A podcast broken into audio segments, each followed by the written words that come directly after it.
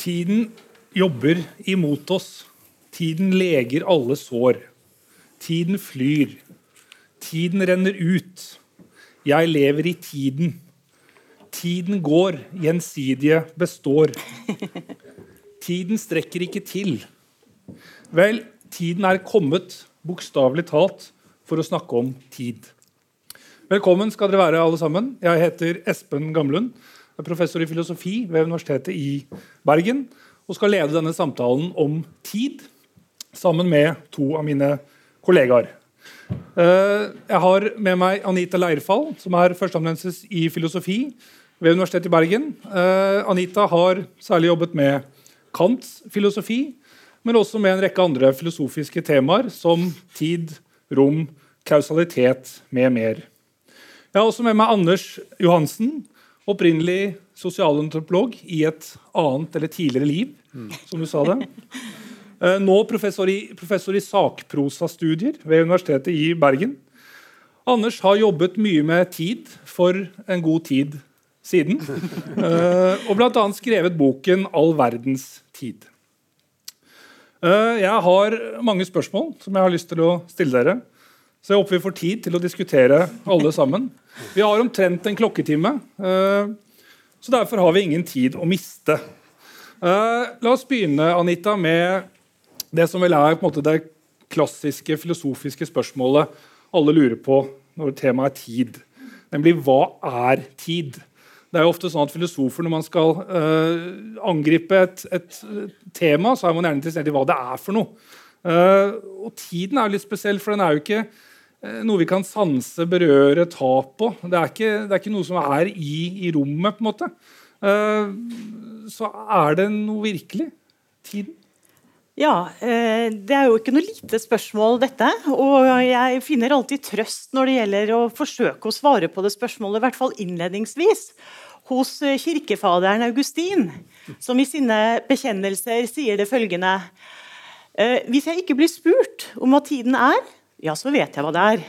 Men hvis noen forklarer forklare hva tid er, så vet jeg det ikke.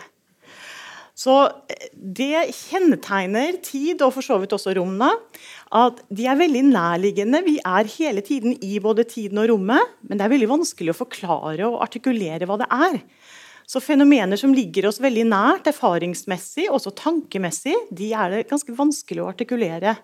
Um, virkelig forstå hva det er. Så jeg håper alle, det er ikke bare uh, si, jeg håper dere er enige med meg at spørsmålet er stort og omfattende. Eh, så jeg kan jo ikke gi et uh, fullstendig svar, men et første svar er jo Hva er det vi spør om når vi spør om hva er tid? På den ene siden kan vi si er det tiden i seg selv vi spør etter? Altså, Er tiden noe for å snakke med Kant, i seg selv, an sich? Eller er det tiden slik vi erfarer den? Det er ikke uttømmende, men det er to mulige retninger, og de er forenlige, men de er samtidig forskjellige ting. Og eh, De fleste vil tenke at hm, hvis jeg nå setter meg ned og tenker hva er tid, eh, så vil man ganske umiddelbart, tror jeg, tenke at hm, det er ingenting skjer rundt den. Man gjør ikke noe spesielt, man bare sitter og så tenker man hva er tid? Jeg tror de fleste vil da tenke og føle kanskje også at det som er tid da, det er rett og slett den tanken som går, og eventuelt en følelse i kroppen, men altså tanken som går. Og Det er én måte å se det på, som også filosofer har artikulert, nemlig at tiden kan artikuleres gjennom tenkningen. Eh, Descartes gjorde det, en filosof. Kant gjorde det. Eh, og eh, det viser at det er mulig å tenke om tiden uavhengig av at vi både handler, uavhengig av at det er hendelser i tid, og uavhengig av at det er objekter i tid. Ok, så Hvis vi da gjennom tanken føler at okay, det er et tidsforløp her, så vil neste tanke antageligvis Nå skal ikke jeg styre hva man tenker, men jeg vil bare prøve å nullstille det og tenke. Da vil neste tanke være ok, denne tidsfølgen som ser ut til å gå gjennom min tanke, den ser ut til å ha noe som både er fortidig, nåtidig og fremtidig. Den tanken jeg tenkte nå, den er nå plutselig fortidig. Og eh, den var fremtidig før jeg tenkte den. Og sånn fortsetter det.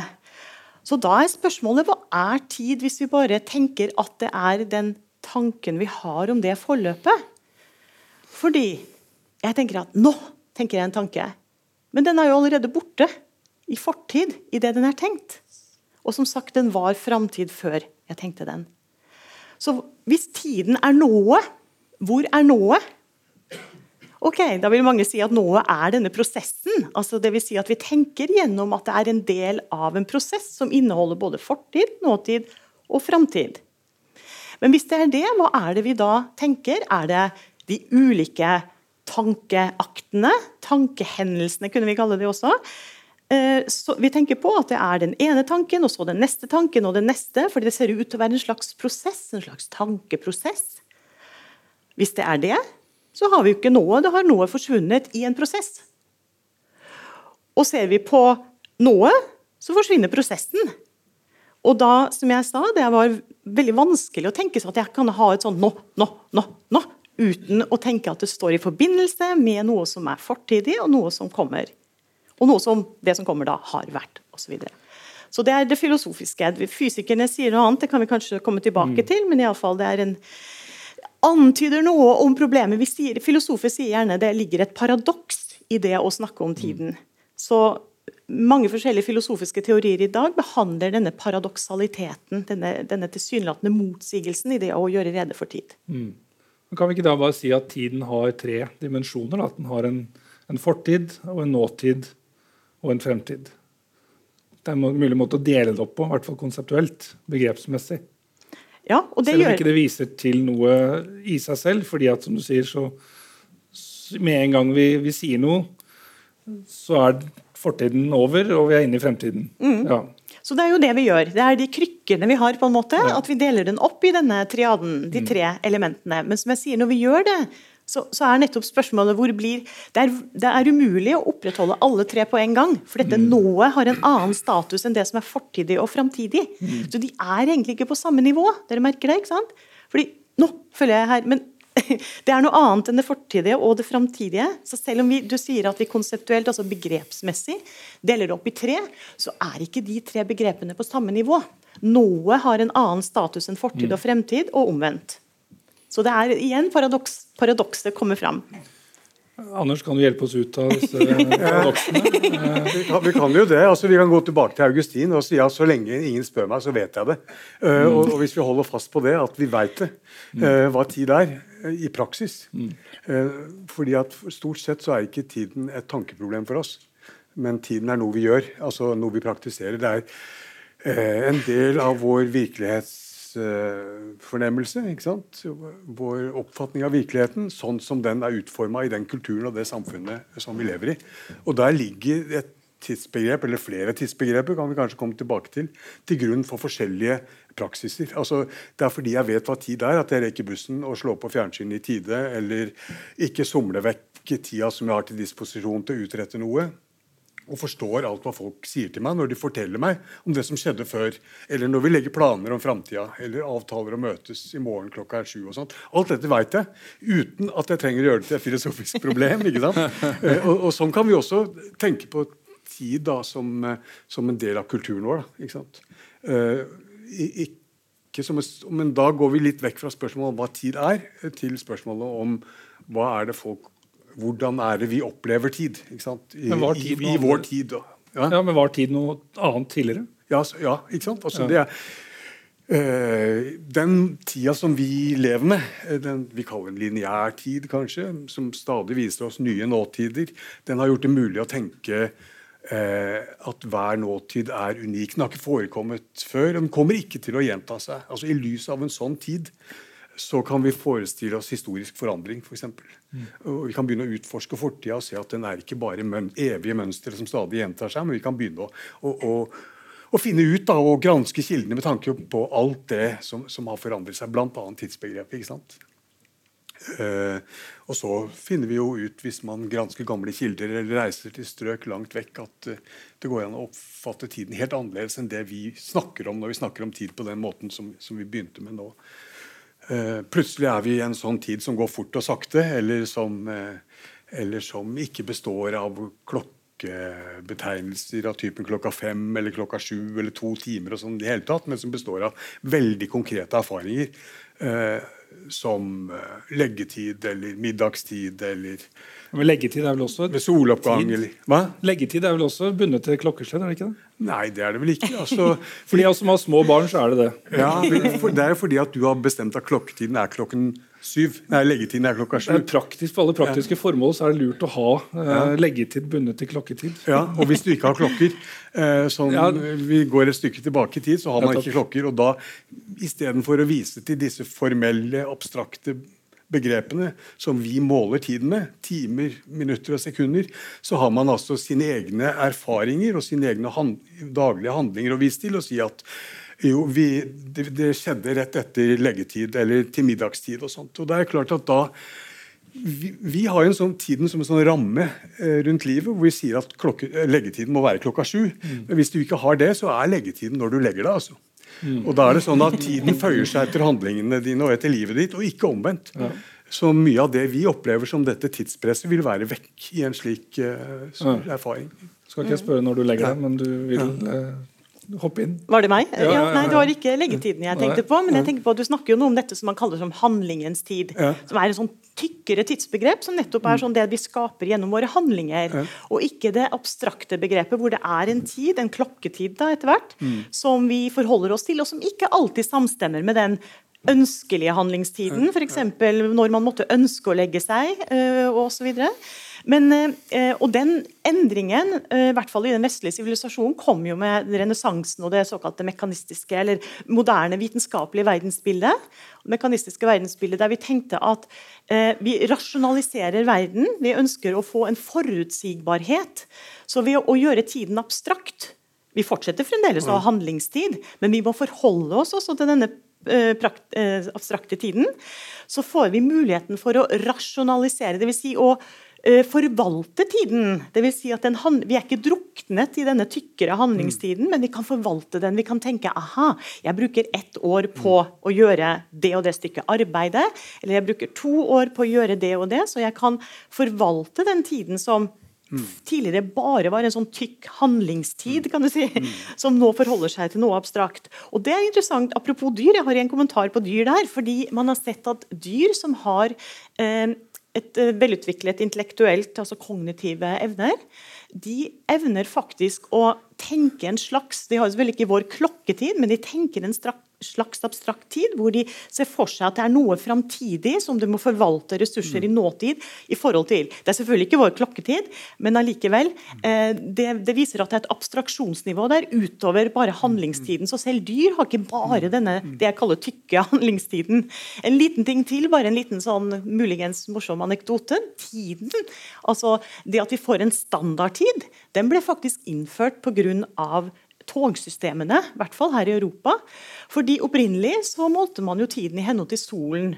Det ligger jo solur rundt omkring i eldre byer. ikke sant? Til og med Trondheim, min barndomsby, har et solur på torget der. Men det er klart, solen står jo ikke på samme sted på det uret. I hvert fall når vi svinger fra øst til vest. Så f.eks. Greenwich Middle Time, eh, avstanden fra London til Bristol for eksempel, var ti minutters forskjell i soltid på solurene. Så når man skulle ha tog rundt omkring i England, først og fremst, så ble det totalt kaos.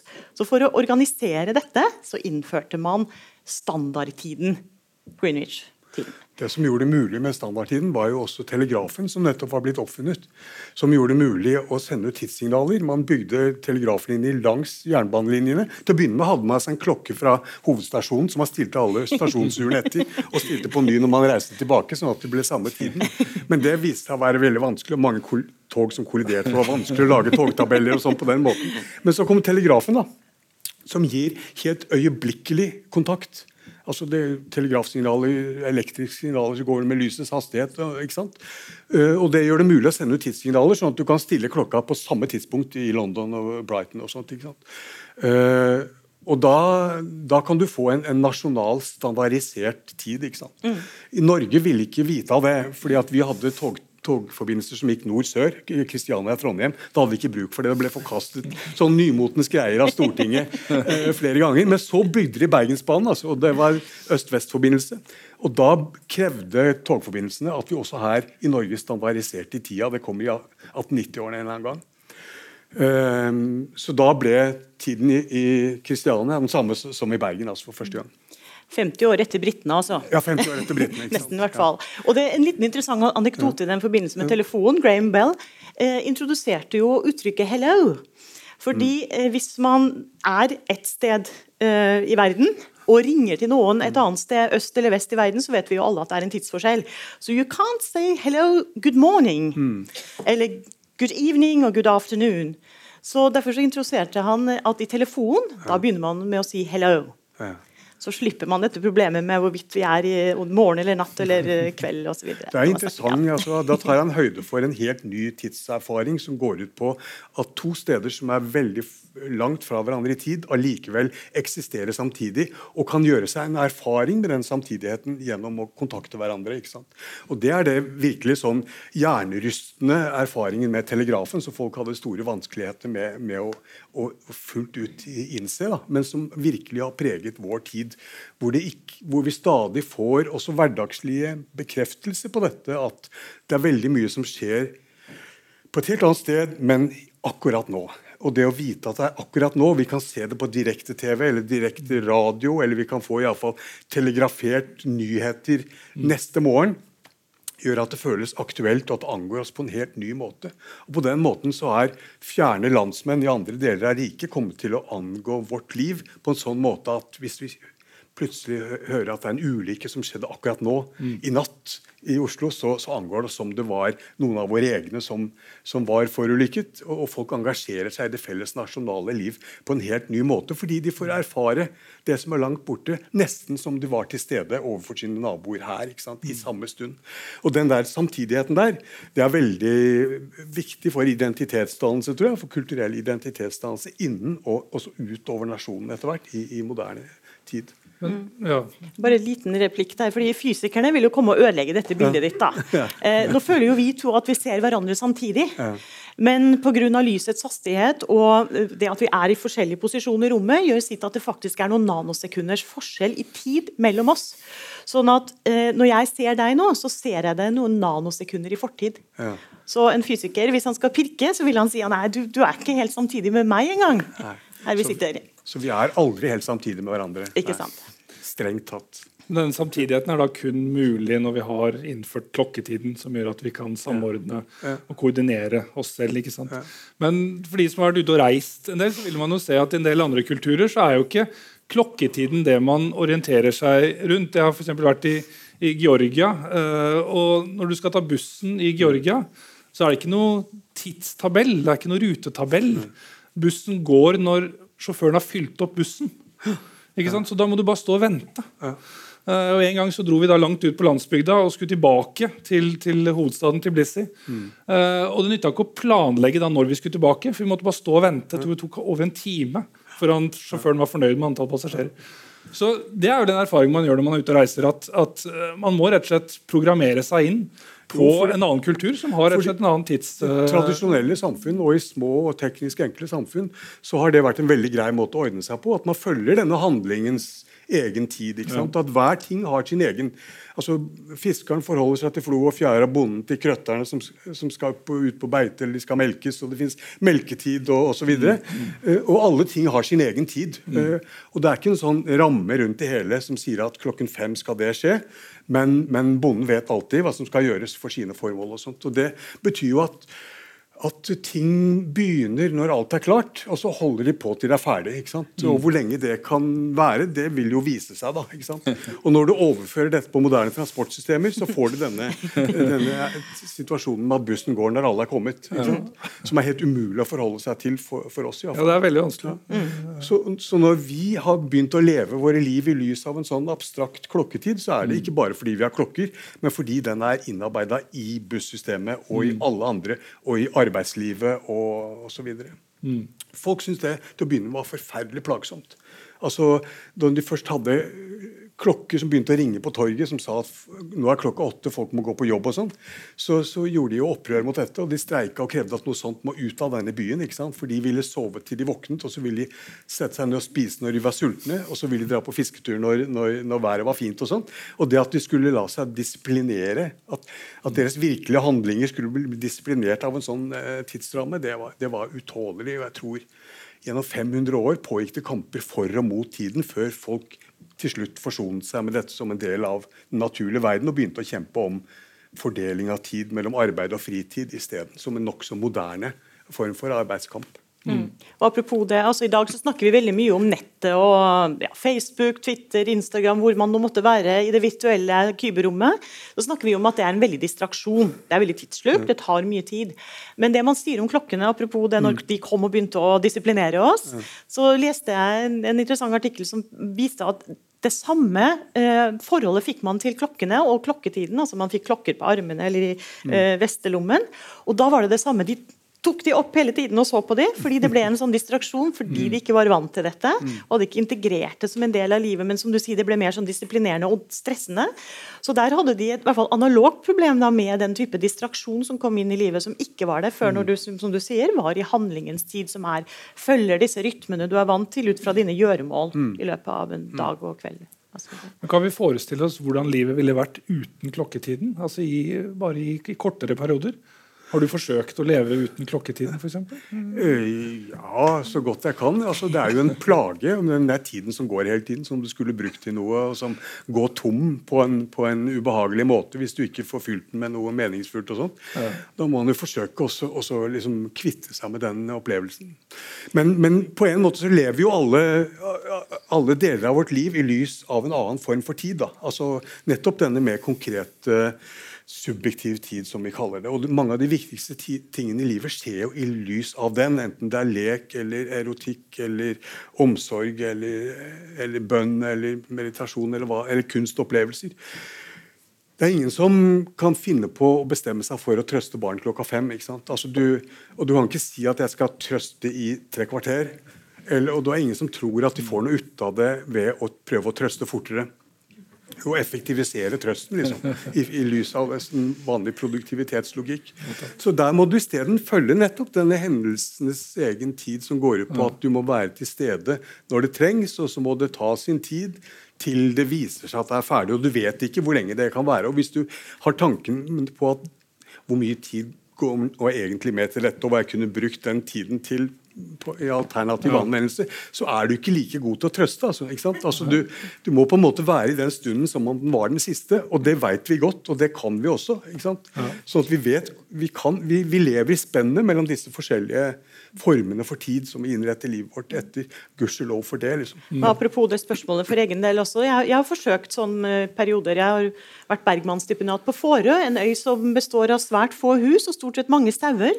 Så jeg ser ikke så veldig mange mennesker. så når det går en to-tre uker, så begynner jeg å hilse på sauene i stedet. Og selv om jeg har klokke, så merker jeg at jeg legger av meg denne klokketiden. Og blir nettopp mye mer til stede i tiden. Og da merker jeg også at jeg blir mye mer effektiv, fordi jeg får den der flowen.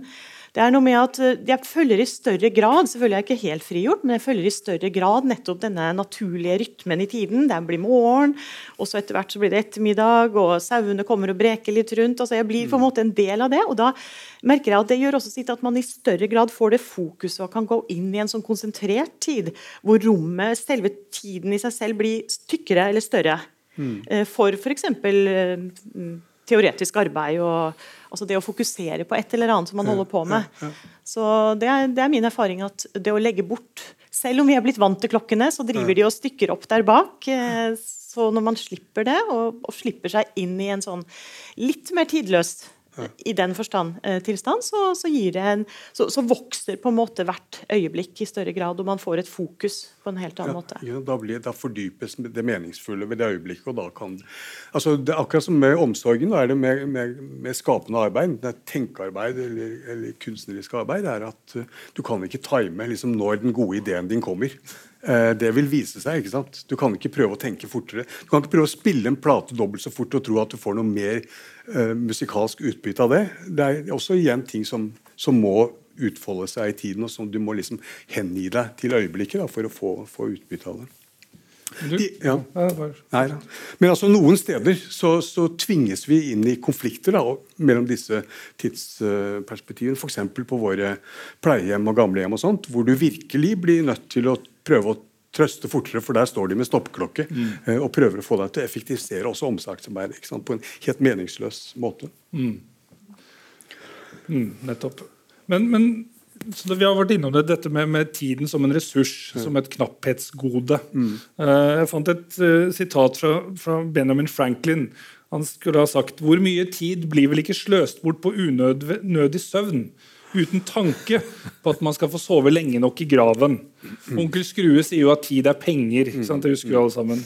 Også reklamen 'Jeg lever i tiden' og forventer effektivitet. Så dette er på en måte noe vi får innplanta uh, fra mange kanaler. da. Uh, og den protestantiske etikken som vi også har under huden, forteller oss at vi skal utnytte tiden så godt som mulig for å være mest mulig effektive. Uh, så dette besatt, besettelsen om å utnytte tiden, uh, hvorfor er vi det? Altså, dette er jo dette er kapitalismens ånd. ikke sant? Det er Benjamin Franklins at du skal benytte hver alt, alt han har å si om, om hvordan man skal bli rik, det er, dreier seg om hvordan man skal disponere sin tid. altså Utnytte den best mulig. Og denne mentaliteten, men den, Spørsmålet er jo hva, hva, slags, hva slags tid er det vi kan få sånne problemer med? da, liksom At vi får hastverk og blir eh, og føler at vi, må, må, at vi får den panikken for ikke å, bruke tida. Og Det tror jeg er en tid først og fremst som er definert som en mengde, som er en kvantitet. Og Sånn er ikke handlingstida. For den består altså Du kan ikke si at det går fire leggetider på en kveldsstund, eller 800 kvelds, eh, kveldsstunder på en vinter, eller noe sånt. Det, dette er helt forskjellige typer erfaringer som aldri blir addert eller, eller delt opp på den måten og som ikke er mengdeenheter. altså Det nærmeste du kan komme en, en sånn mengdeangivelse under de eh, omstendighetene, tror jeg er å si at det skjer på et blunk, eller det tar en hel evighet, eller det er gjort på et øyeblikk, som er veldig tøyelige og veldig omtrentlige eh, begreper om, om, varighet. Men utover det tror jeg at, at, du trenger en klokke for virkelig å erfare tiden som mengder som står til disposisjon, mm. og som fordi tiden er endelig. Du lever bare 80 år, liksom. Og det er uendelig mange ting du kan gjøre, så vil den tiden alltid per definisjon være knapp. Mm. Og Derfor er den verdifull, og derfor må du ikke kaste den bort. Og så er du, så er du i gang. liksom. Mm. Så er du fanget i en logikk. Jeg vil lyst til å komme tilbake til dette med selve For dette er jo mye, mye om denne inn, altså alt mm. innholdet i tiden. altså den, alt det vi pumper inn i tiden sånn, og mm. gjør den fet, som jeg sier. Altså, vi feiter den opp med disse erfaringene, mm. og erfaringene krever det. Mm.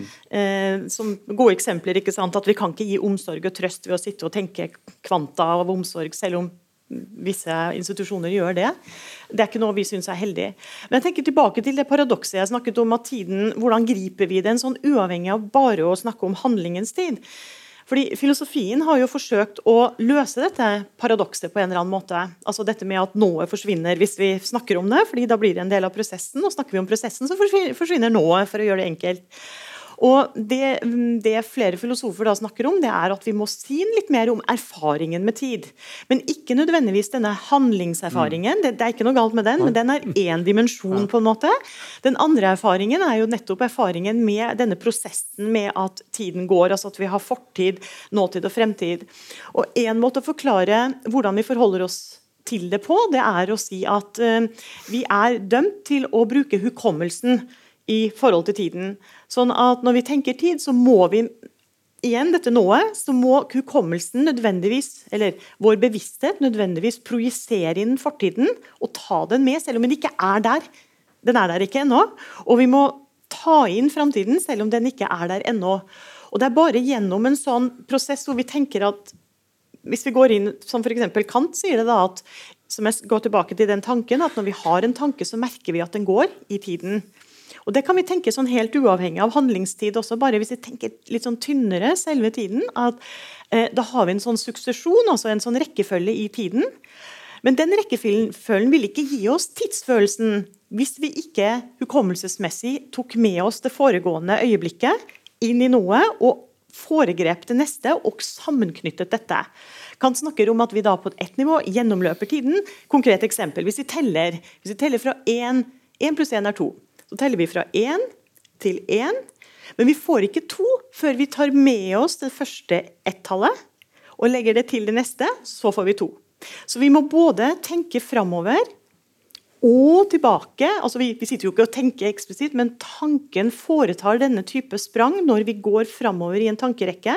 Sånn Uavhengig av hva, hva den fylles med, men bare selve tilstanden, det å være i tiden, den følger en sånn tråd. Hvor vi da, når vi er i noe, skrider framover. Det er vi dømt til.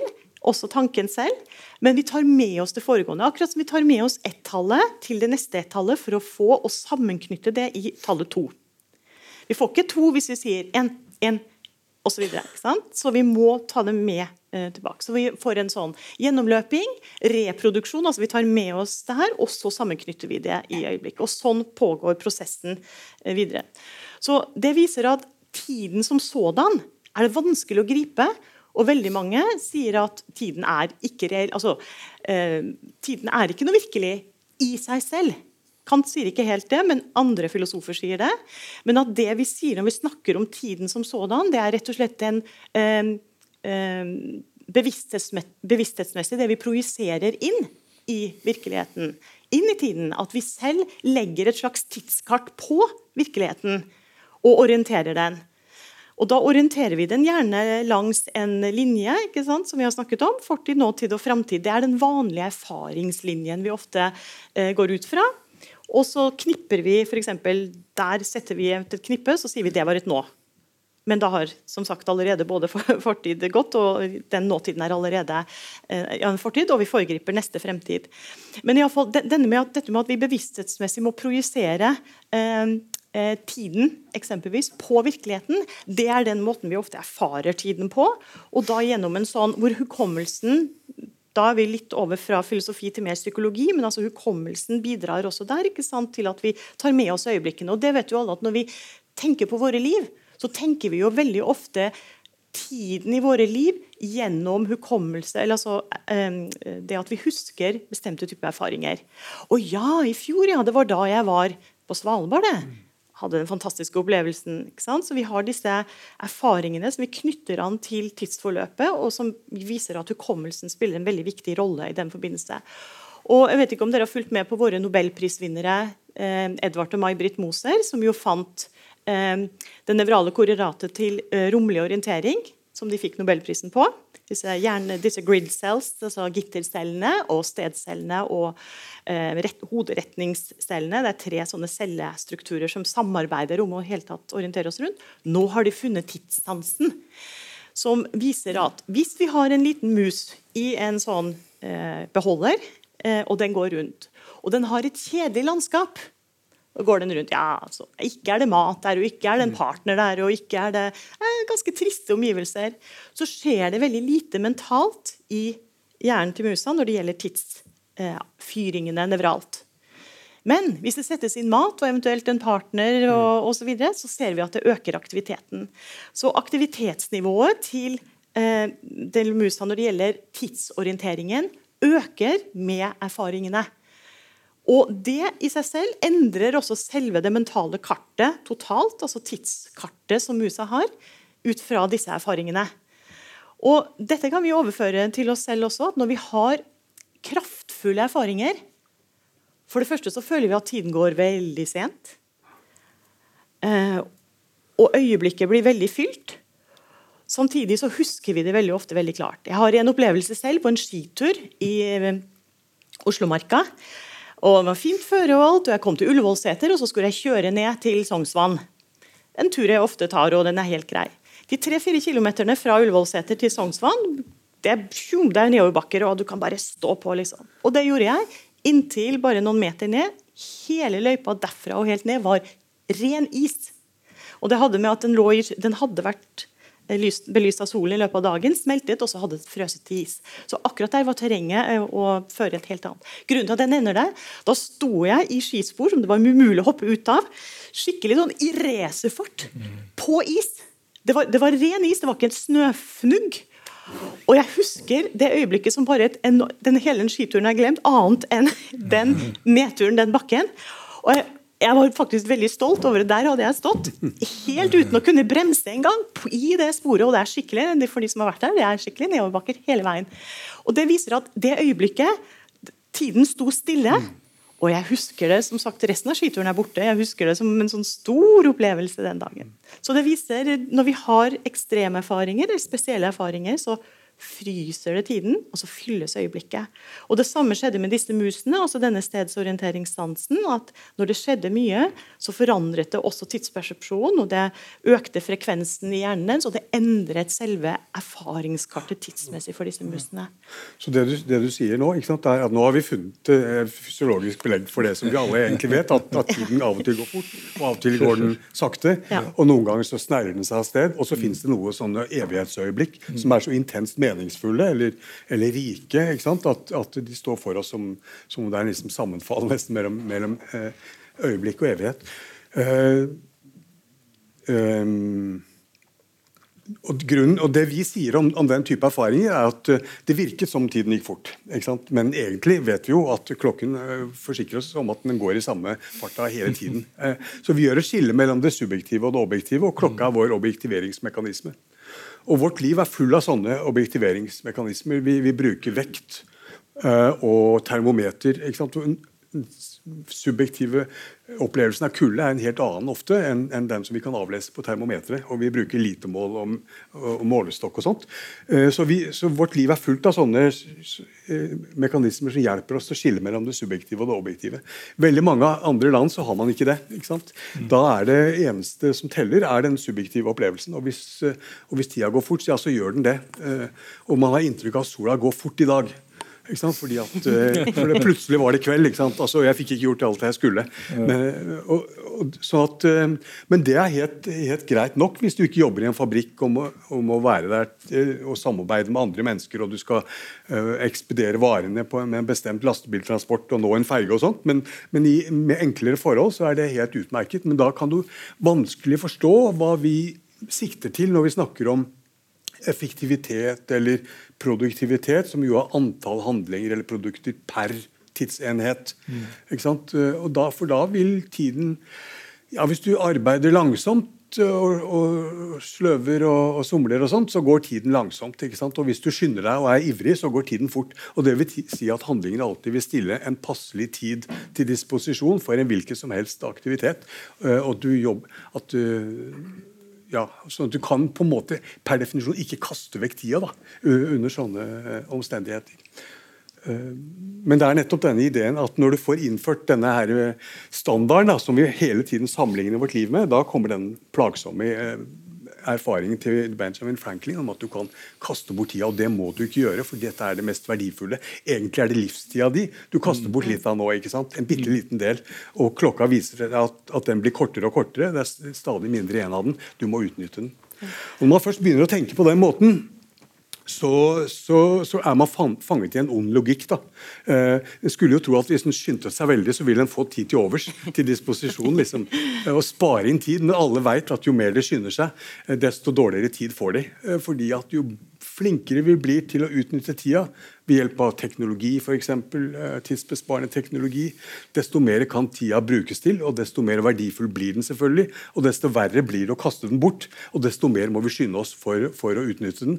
Så at vi løper stadig fortere på, i, det, i det løpehjulet der hvis vi ikke klarer å sette oss utover den tiden og koble om til, til en helt annen type logikk. Hva er moralen liksom i enden av dette her? At, ja, moralen er at du, Vi trodde når vi fikk denne IT-teknologien at vi skulle frigjøre masse tid, ikke sant, ja. som så ville bli quality time, ikke sant, som, som var til, til, overs. Og det ble det ikke. Vi ble bare enda mer uh, hektiske. Mm, det er paradoks liksom, som opptrer. ikke sant, ja. at Dess mer teknologi, dess mer travelt har vi fått det. Nå kan vi for raskt sende en e-post, og likevel så føler folk seg mer travle enn da vi måtte gå og poste disse fysiske fysiske brevene og forholde oss i større grad fysisk til hverandre. Før ble du utålmodig når du hadde lett i arkivet i en time.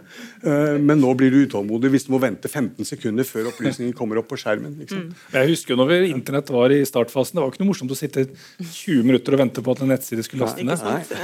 Så det er jo noen fordeler, da. Ja, visst er det fordeler. Ja, ja. Ikke bare svartmale. Hvis vi ikke hadde hatt den klokketida, så ville dette eh, livet vårt brutt sammen i uopprettelig kaos i løpet av ja. Men jeg tenkte bare en liten ting, Du var inne på dette med evighetens øyeblikk. for tilbake til disse middelaldergutta. Jeg nevnte jo Augustin. I middelalderen så var man veldig opp, uh, fokusert på det her med å, disse evighetens øyeblikk, nunc stans, som de kalte det. At det, det er noe vi søker, og det tror jeg fremdeles har jeg inntrykk av at vi, vi, vi alle søker det. Eh, kanskje ikke de som er eh, grusomme, men altså det er noe med at vi prøver nettopp å finne de øyeblikkene som er fylt, og som blir til fylte øyeblikk i hukommelsen. sånn at når vi ser tilbake, så utgjør det en veldig stor del på tidsaksen i forhold til den såkalte objektive, kvantifiserbare tiden som vi har snakket om. Og Det, det er sånne gylne øyeblikk, sånne hellige øyeblikk, som middelaldertenkere i stor grad var opptatt av. At det er nettopp noe sånn hellig i det. At her står vi i evighetens synsvinkel på en måte og opplever det. Og det ja, det... Og sånn tror jeg altså deres tidsopp, tidsbegrep. da, for I middelalderen og i presteskapene og sånn, så har utvikla et mer reflektert og rasjonalisert tidsbegrep enn denne handlingstiden. for De har laget rituelle kalendere. Kirkeåret er en sånn kalender. Og den består av evighetsøyeblikk. Den består av, altså, den består av, av altså jul og påske og sånt. Og, og, julaften det er ikke 24.12. Altså. Det er ikke 24 timer, men det er Jesu fødsel. ikke sant? Det er mm. innholdet i tida. Det er den som gir den en helt spesiell kvalitet. Den har ingen bestemt kvantitet, men det er den kvaliteten som er helt annerledes enn en mm. langfredag ikke sant? og, og pin, pinsedag og sånt. Og, og dette, viser, dette er både evige kvaliteter, og de kommer om igjen. Det er ikke en sånn tid du legger bak deg, for de kommer tilbake neste år. ikke sant? Mm. Akkurat de samme rituelle og mytiske begivenhetene som aktualiseres hvert eneste år i en evig omgang. Ikke sant? Og Da kan du si at det er disse evige øyeblikkene som gjentar seg, på en måte da, og som gir livet mening fortløpende, etter hvert som du, du gjennomløper dette på nytt. Og jeg tror virkelig sånn For religiøse mennesker som opplever dette, vil jo føle at, at denne fortida er veldig nærværende. Mm. Altså, den er ikke langt tilbakelagt, men den er veldig aktuell for mitt liv nå. Mm. mm. Jeg tenker litt når du sa Det der med, fordi vi, det er jo ikke tvil om at uh, hvert fall den vestlige kulturen har blitt avsakralisert. altså At vi har blitt mer og mer profane og altså ikke, ikke religiøse. I, det, det, er, det, er, jo statistisk belegg for, om jeg, så jeg påstår noe uten belegg for det.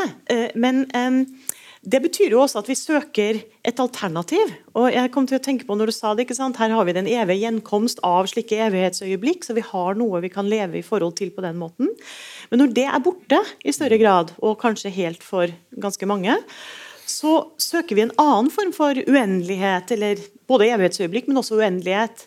Og da kommer jeg til å tenke på at veldig mye teknologier i dag er jo eller Mange er opptatt av at teknologien i dag for skal kunne være livsforlengende.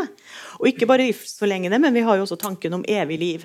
Altså Transhumanisme er jo en retning innen eh, bl.a. filosofi, eh, hvor vi tenker oss at både medisin og teknologi kan være virkemidler for å gi oss en form for evig liv. I hvert fall først kanskje forlenge det så langt som mulig. Og håpet er jo at vi rett og slett blir udødelige. Så vi tenker oss en sånn konkretisering av tanken om det uendelige gjennom den type eh, teknologi, medisin.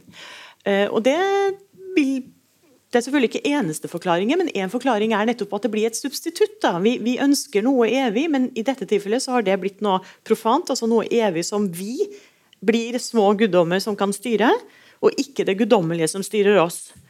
Så um, tanken om det evige og denne, denne, forlengelsen vil aldri forsvinne, men den har tatt en ny form. og jeg sier jo ikke at alle går og det vet jeg jo via diskusjoner, alle går ikke og lengter et evig liv. Men alle ønsker jo å få best mulig behandling hvis man blir syke. Man ønsker jo å forlenge og i hvert fall være frisk lengst mulig og kanskje ha lengst, eh, et lengst mulig liv. Så det, det, det blir jo én måte å forsøke å nærme seg en form for uendelighet på, i den forstand, mm. altså mer eksistensielt. da. Men, men den tanken om at, at det å forlenge livet og leve lenger kanskje lengst mulig, kanskje evig En grunn til at vi ønsker det, må jo være at vi da verdsetter levetid. da. Så, så mer tid på jorden er, er bedre. Eh, alt annet likt, som filosofer pleier, pleier å si. Hvis jeg er fryktelig syk og har, har store problemer, og så, videre, så vil jeg kanskje ikke leve lenge. Men hvis jeg er frisk og rask og har det bra, og vennene mine og familien min fortsatt er til stede, så vil jeg kanskje leve lengst mulig. Så da er jo tid, levetid, uttrykk for eh, noe som, som, betyr velferd, da, som er et gode, som vi vil ha mer av. Det er ikke sikkert vi vil ha evig liv. Da blir det umulig å dø. Men, men, men sånn, sånn, sett, har, sånn sett har vi jo kommet veldig langt. Altså, jeg mener, vi, vi lever jo til vi er 80 og sånt. veldig, ikke sant? Det, det er vel Gjennomsnittsalderen ligger vi rundt 80, skulle jeg tro. Eh, Og det, det var vel halvparten for 150 år siden. Ja. Så livene våre er blitt veldig mye lenger. Fordi vi har fått mer tid. Ja, vi har fått mye mer tid. Ja. Hvis du ser på de bildene av, av, av, av, av hvordan man så på forholdet mellom liv og døden, så, så tenkte middelalderens mennesker de så på det som i, i bildet av eh, mannen med ljåen. ikke sant? Eh, mannen med ljåen han kommer og kapper livstråden eh, og høster inn livets grøde eh, når som helst. ikke sant? Og moralen er at du vær alltid forberedt, for det kan skje når som helst. Og det gjorde jo det, det gjorde jo også. ikke sant? Plutselig så, så døde du av et eller annet som i dag er helt trivielt, eh, før, du, før du var fylt 20. ikke sant? Eh, og Så kommer det et helt nytt bilde i, i renessansen. Eh, hvor livet tenkes som en, en, en, mye, en, en mengde, da, en strekning, en lang varighet, som litt etter litt renner ut.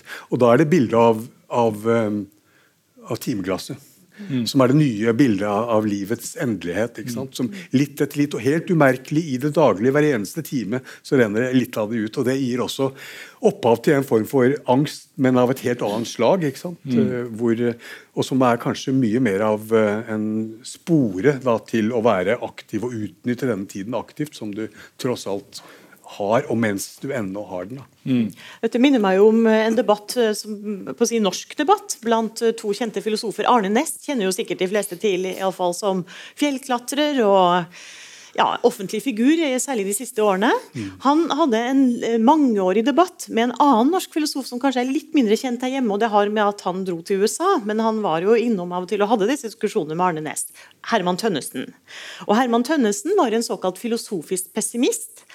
Eh, en lang historie, men et av perspektivene hans var at det er døden, livets endelighet, som gjør livet meningsløst. Det at vi skal dø og har endelige liv, det gir ingen mening. Det gjør livet meningsløst.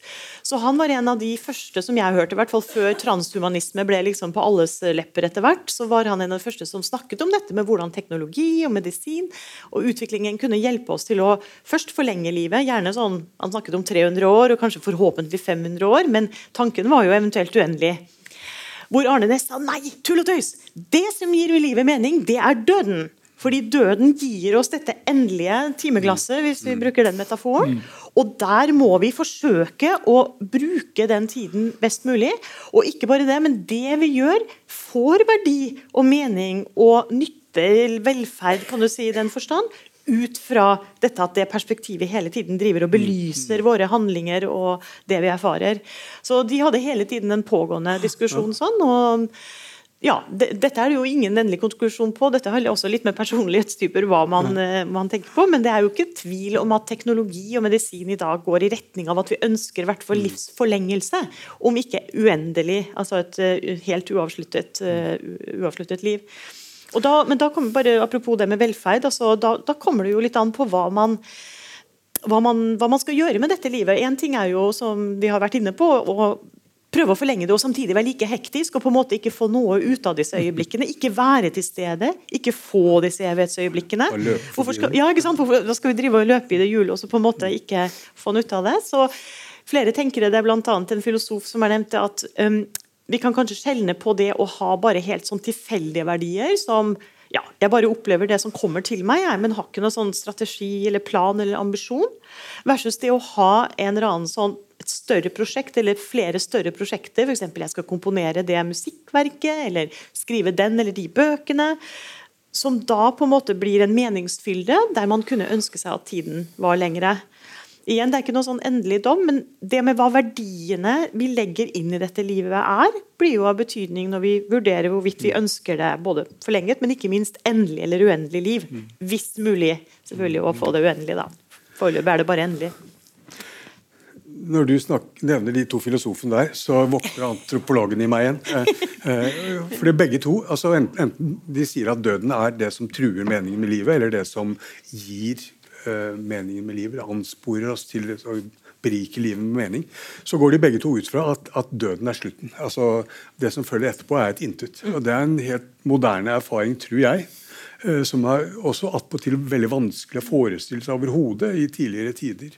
Hvis vi sier at tiden er innholdet i tiden, det er de handlingene og erfaringene som, som, vi gjør, det er det som er tiden, og den er ikke en tom og formell og abstrakt ramme rundt det, sånn som klokketiden er, så vil jo, er, vil jo være veldig vanskelig å, forestille seg en tid som går tom. Vår, vårt begrep om framtid er tom tid. Vi har ennå ikke fulgt med handlinger. Den kan bli til hva som helst. Og en dag, når vi ikke lenger klarer å gjøre det, så går den tom. Og Det er på en måte bildet av døden. Da. Altså denne tiden som, som blir uh, tom, og livet som blir til et intet. Man kan forestille seg i en, den type uh, framtidshorisont. Men hvis, men hvis tiden altså alltid er per definisjon er sitt innhold, så, så går den ikke tom. Og da tror jeg man heller, de fleste har i tidligere tider har forestilt seg livet som land, noe som foregår i et landskap. Man går langs livsveien, ikke sant? Og så ser man døden der framme, og så møter man ham, og så går man videre på andre siden. Og Det kan være nokså ubehagelig, man kan havne i helvete eller andre steder som man har grunn til å frykte, men, men dette landskapet er fullt virkelig over det hele. ikke sant? Det er ikke sånn at det opphører å eksistere. Det finnes ikke en, en framtid som, som, som, som, ikke, som ikke eksisterer.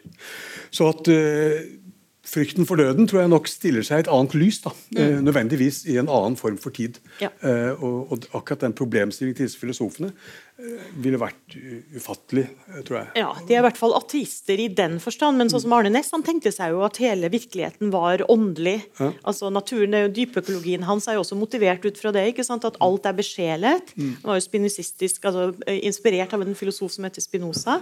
Man tenkte når elven bukter seg, så er det fordi elven ønsker å bukte seg. Den har en slags bevissthet i naturen. Det samme med trærne. De vokser fordi de ønsker å vokse osv. Så, videre. så han tenkte at alt var i en, i en bestemt forstand da, besjelet. Selvfølgelig ikke med den type kognitive apparat som vi har, men en form for sjelstilstander. Eh, så um, han var ateist i den forstand at det var ikke noe sånn guddommelig der bak at vi kom til himmel eller helvete, alt ettersom hva vi måtte ha gjort. men at det, her er et sånt evig kretsløp, da, hvor det ikke er borte. Og det, det, kan man jo ha som tanke selv om man ikke er troende, selvfølgelig. Mm, ja. Eh, og da sier det som du sier, da blir det jo ikke den samme endeligheten heller. Så det kan jo være det, det var bare spekulasjon. Det kan jo være derfor Arne Næss syntes det var greit med døden. At han, han driver og svirrer rundt i en elv eller en skog eller er, er, besjelet til stede et eller annet sted. Det kan jo være en, det er en interessant tanke. ja, det, det, slo meg her og nå. Jeg har faktisk ikke tenkt den før, jeg heller. Men bare én side ved dette med, dette med, at vi får muligheten at vi lever lengre. Altså, det, er jo ikke, det er ikke urealistisk å tenke seg at vi kan leve 120-130-40 år om, om, om, en tid. Men hva gjør det med vår forståelse av ulike, de ulike livsfasene som vi jo egentlig opererer med? Vi har liksom barne- og ungdomsfasen, så har vi voksen livet, og så har vi alderdommen. Mm. Så, så, disse transhumanistene de tenker seg sant, at alderdom er sykdom, mm. uh, så vi skal bremse mm. eller utrydde alderdommen sånn at vi, vi slutter å bli eldre. Uh, men kan vi liksom forestille oss hvordan det ville være å leve la oss i 130 år? Uh, ville det være å, å strekke barndommen et godt stykke, strekke alle livsfasene? Eller er det bare å strekke alderdommen? Så du blir pensjonist fryktelig lenge. Ja vi sier vel allerede at vi har strukket livsfasene, men vi snakker om dette om at mennesker i dag er sånn, opprettholder ungdomstiden til de er 60. Altså De liksom prøver å, å, å, utvide den så mye de kan, og opptre, gå på konserter og gjøre det samme som de, de gjorde Vel, gå på konsert, men iallfall en del av den, den, den levemåten da, man hadde som ung. Så mange vil jo si at det i seg selv, uavhengig av levealder, men rett og slett kulturens utvikling har, og med, med tilgang til ting og økt fritid osv. har endret de forventningene vi har til de ulike livsfasene. Mm. En annen ting som jeg har vært opptatt av, er hvordan teknologien endrer dette med forståelse av seg selv, ens egen identitet og, og samvær med andre. Det er jo ingen tvil om at vi alle, de fleste, da, bruker ganske mye tid i cyberspace, altså på nettet i en eller annen forstand. Alt fra e-poster som vi må sende, til eh, at vi er på Facebook, Instagram osv. Alle disse nettstedene. Vi bruker eh, en god del tid på det, og selvfølgelig mye mer enn tidligere. Det betyr jo nødvendigvis, siden tiden er endelig så langt, at vi har mindre tid til å møtes på fysiske arenaer. Kolleger, vi sender e-poster til hverandre. du skal vi Istedenfor å gå og banke på døren osv. Da tenker jeg på, da får vi færre muligheter og scener kan vi si, hvor vi får møttes og, og lage et inntrykk overfor hverandre ved å møtes fysisk. Eh, og alt skjer, eller mye, mye stadig mer, også si, av vår virksomhet skjer da via teknologien og på disse ulike nettstedene. Og det skjer i eh, ganske stor fart. Vi legger igjen spor hele veien i ganske stor fart. Vi rekker ikke alltid å følge med, og det er i ganske stort omfang. Så både i kvantitet og i hastighet så har vi en sånn identitetsproduksjon via teknologiene også, som har økt liksom hele den forståelsen, unnskyld, endringen av oss og våre livsfaser ganske radikalt. Og som jeg også vil mene endrer litt av identiteten vår. Eh, når Sintef-forskere har for skrevet en artikkel hvor de viser til at når vi legger igjen sånne spor på nettet, så føler vi at vi har kontroll. Ja, jeg vet hva jeg har postet der, og jeg vet hva jeg har skrevet der. Men siden det, det, det, ligger der ute i kyberommet, og det skjer med ganske høy hastighet, og det er ganske store kvanta informasjon, så er det ikke like lett å hold, håndtere det som det var for i et småskalasamfunn, der man møtte daglig de samme når man skulle til butikken. Man, det var mye mer av denne handlingens tid som det har vært snakket om, hvor vi hadde arenaer hvor det var et møte i større grad. Og det eh, gir jo også en ut, altså Den nye teknologien da, gir jo en utfordring i forhold til å forstå hvem er jeg altså den identitetsforståelsen. Hvem blir man? Og plutselig så er det veldig mange andre som får tilgang til en definisjon av hvem du er.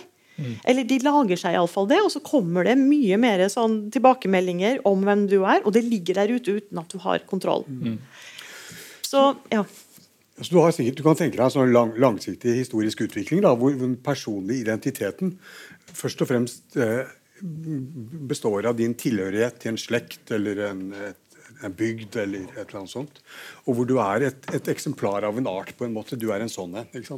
Uh, og så ut, går du fra den ene livsfasen til den andre. Ikke sånn som vi forestiller oss gjennom en eh, personlig vekst og modning, litt, etter litt, hvor du blir deg selv som et unikt individ, men mye mer med at du liksom blir befordra gjennom sånne overgangsritualer. Og Vi hadde det fremdeles i Norge når, når folk var barn og ble behandla som barn, helt til de ble konfirmert.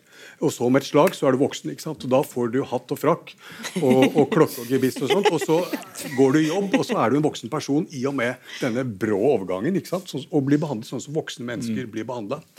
Uh, eh, det, det, tror jeg er det mer sånn uh, en måte å se på livets fase på uh, i en situasjon hvor vi ennå ikke har utviklet et veldig inderlig forhold til denne begrepet om den kontinuerlige tida, som, som som renner og går selv om det ikke skjer noe. Og som, som viser oss overgangene og sammenhengene, og de, som gjør det mulig å tenke det prosessuelle så å si, i livet. Hvordan tingene litt etter litt og helt umerkelig forandrer seg. Og hvordan vi eldes og nettopp eh, vokser og utvikler oss som den helt spesielle personen som, som bare vi, som jeg er. Og det tror jeg er en, en begrep om det moderne individet som, som, er avhengig av denne klokketida, sånn sett, som er en utviklingstid. da. Mm.